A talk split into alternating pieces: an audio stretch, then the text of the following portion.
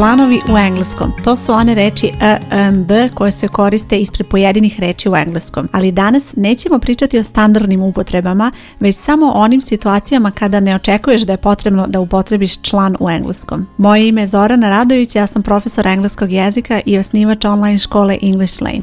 Ovo što slušaš je English Lane podcast gdje pričamo o korisnim savjetima i lekcijama za učenje engleskog jezika. Ako si već preslušala neke od mojih prethodnih epizoda u kojima pričamo o članovima, verovatno se sećaš da sam rekla da su članovi lekcija koja se uči od početnog do naprednog nivoa. Dakle, to nije jedna lekcija koju ćeš naučiti u jednom trenutku i završiti sa njom, već ćeš o članovima učiti postepeno u skladu sa onim nivom koji trenutno pohađaš. I ovo je jedno od najčešćih pitanja koje dobijam posebno na početnom nivou kada me polaznice često pitaju možete da mi kažete koja su to pravila za članove, kako da naučim članove, ali mora da shvatiš da učenje članova zapravo predstavlja proces i da treba vremena da se sve to nauči. Od početnog nivoa krenut ćeš sa nekim osnovnim pravilima kako da učiš članove, naučit ćeš neke osnovne situacije kada treba da se upotrebi član, kada ne i onda ćeš vremenom učiti druga neka pravila. I onda kroz ta pravila ćeš sigurnost kako da upotrebiš članove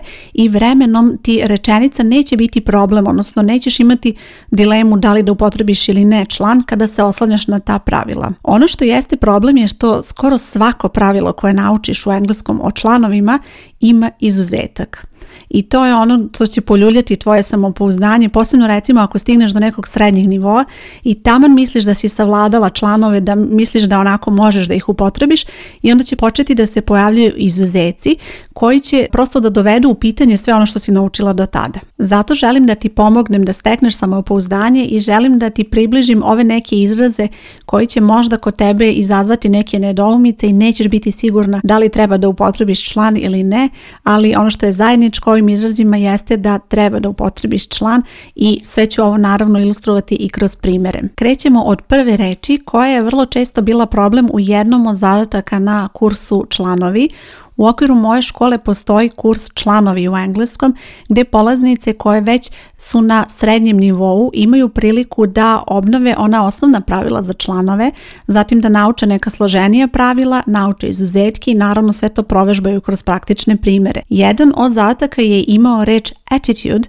i to je prvi primjer gdje većina njih nije očekivala da treba da upotrebi član zato što reč attitude znači stav, odnosno kako se osjećaš povodom nečega i jednostavno smatrali su da ne treba ispred te reči upotrebiti član. Zapamti da je ovo reč ispred koje treba da upotrebiš član i evo jednog primjera rečenice I try to have a healthy attitude to life ova reč koja opisuje neka osjećanja, odnosno stav, nije jedina, znači postoje imenice u engleskom koje deluju kao da su nebrojive, odnosno kao da su abstraktne, a ispred njih treba da se upotrebi član, pa obrati pažnju na to.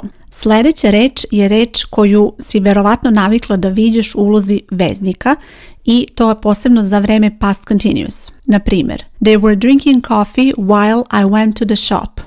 Reč while je veznik i ispred te reči se ne koristi naravno član. Međutim, ova reč može biti i imenica i tada se odnosi na neki vremenski period i tada se ispred nje koristi član. Odmah ćeš vidjeti kako to izgleda na primjeru. They kept us waiting for quite a while. Ovaj izraz quite a while ili može biti for a while, bez ovog quite, je izraz gdje moraš da upotrebiš član. Član je ova reč ispred while, a while. I osim ovog izraza for a while, postoje izrazi in a while, it takes a while, a while ago. Ovo su sve izrazi gdje je potrebno da upotrebiš član.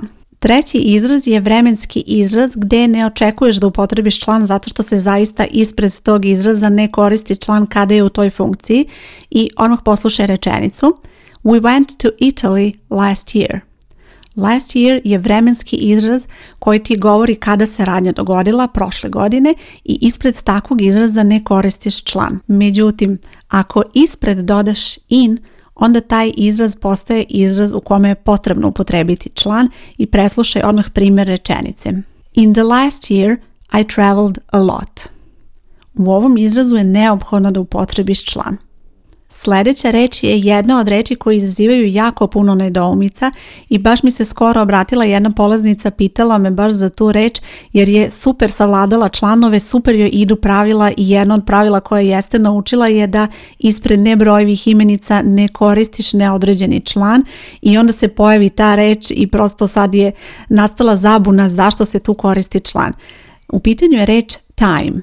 Ispred ove reči uglavnom ne koristiš član, Međutim, postoje određeni izrazi gdje ćeš upotrebiti član i to čak neodređeni član, a izraz je have a great time. To je izraz koji treba da zapamtiš kao takav i pravilo jeste da u toj situaciji ne koristiš neodređeni član, u ovom izrazu se koristi član a koji je neodređeni član have a great time. Ovo nije jedina situacija, postoji još nekoliko izraza gdje ćeš koristiti član ispred reči time, a to su sljedeći izrazi at the time, tell the time. To su samo neki izrazi, a naravno postoji izrazi gdje nećeš koristiti član make time, waste time i tako dalje. Probaj da ovo rešiš tako što ćeš zapamtiti te izraze. Nema ih previše i to je ta jedna reč koja je malo specifična. će ih možda još, ali uvek kada si u toj situaciji probaj da zapamtiš te neke specifične izraze jer to će ti pomoći kasnije da upotrebiš članove u tim situacijama. I nemoj da se opterećuješ unaprijed jer ne možeš naučiti sve ove izraze odjednom, već postepeno u ovoj epizodi naučit ćeš devet nekih specifičnih izraza, a vremenom ćeš učiti sve više i više i jednostavno te reči, odnosno ti izrazi će postati deo tvog fonda reči i onda će ti biti lako da to kasnije upotrebiš. Sljedeći izraz je what's the matter, to je izraz gdje je potrebno da upotrebiš član ispred ove reči matter. Please tell me what happened, what's the matter.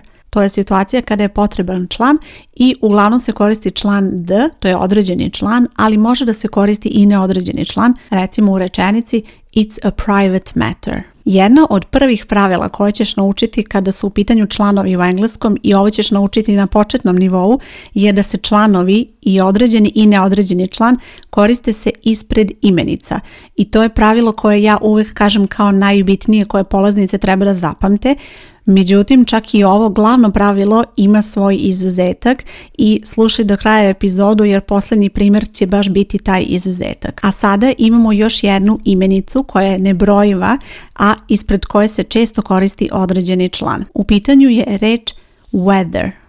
Ova reč znači vreme, ali u smislu vremenski uslovi, znači ne vreme u smislu vremenski period, već vremenski uslovi i ova imenica je nebrojiva, ispred nje nećeš koristiti neodređeni član, međutim određeni član the možeš upotrebiti i to u ovim situacijama. What's the weather like?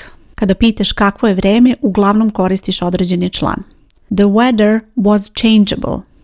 Kada naučiš ovu reč, uglavnom ćeš je učiti tako sa članom, ali imaju u vidu da je ona nebrojiva imenica i da može da se javi i bez člana, kao u ovom primjeru. What sort of weather did you have while on holiday? U ovoj situaciji pojam je neodređen i zato je upotrebljeno bez člana, ali zapamti da ispred reči weather vrlo često koristiš određeni član the. Sljedeći sedmi izraz je izraz koji opisuje neku cjelinu i glasi ovako – as a whole. Ovdje je neodređeni član i u toj situaciji uvijek koristiš taj neodređeni član, probaj da zapamtiš to kao izraz i taj izraz možeš ovako upotrebiti u rečenici. The report is useful for the industry as a whole. Naravno, ovu reč whole možeš upotrebiti u nekim drugim situacijama, ali probaj da zapamtiš ovo kao izraz i isto tako postoji i sljedeći izraz, to je osmi izraz the other day. Izraz the other day znači nedavno, a možeš ga prevesti i pre neki dan. Međutim, osim te reči day, ovdje može da se doda i nešto drugo, kao što recimo morning, evening, pa onda bude izraz the other morning, the other evening, the other week. I ovo je izraz gdje treba da upotrebiš određeni član i preslušaj sada primjere rečenica. I saw him the other day. I woke up the other morning and I realized I overslept. I sada dolazimo do onog primjera gdje ne očekuješ da upotrebiš član ispred boje. U pitanju je reč blue i ispred te boje se koristi član kada je ta boja deo idioma, odnosno izraza. U pitanju je izraz out of the blue. Izraz out of the blue znači iznenada i osim tog izraza možeš da upotrebiš reč suddenly, unexpectedly, ali ako koristiš ovaj izraz out of the blue, tu moraš da upotrebiš određeni član the. They made a decision out of the blue. To znači iznenada su doneli odluku. Out of the blue, ceo izraz znači iznenada. Nadam se da ti je ova epizoda pomogla da naučiš ove izraze i kako da ih upotrebiš u konverzaciji i da će te inspirisati da potražiš još sličnih izraza koji se na ovakav način koriste i ukoliko ti je potrebna pomoć kada učeš engleski jezik, predlažem da pogledaš više na ovoj stranici gdje slušaš podcast ili možeš potražiti više o mojoj školi koja se zove English Lane. Učenje se u potpunosti odvija online, tako da gdje god se nalaziš možeš da nam se pridružiš. Hvala ti što slušaš podcast, ja sam Zorana Radović i čujemo se uskoro. Ćao!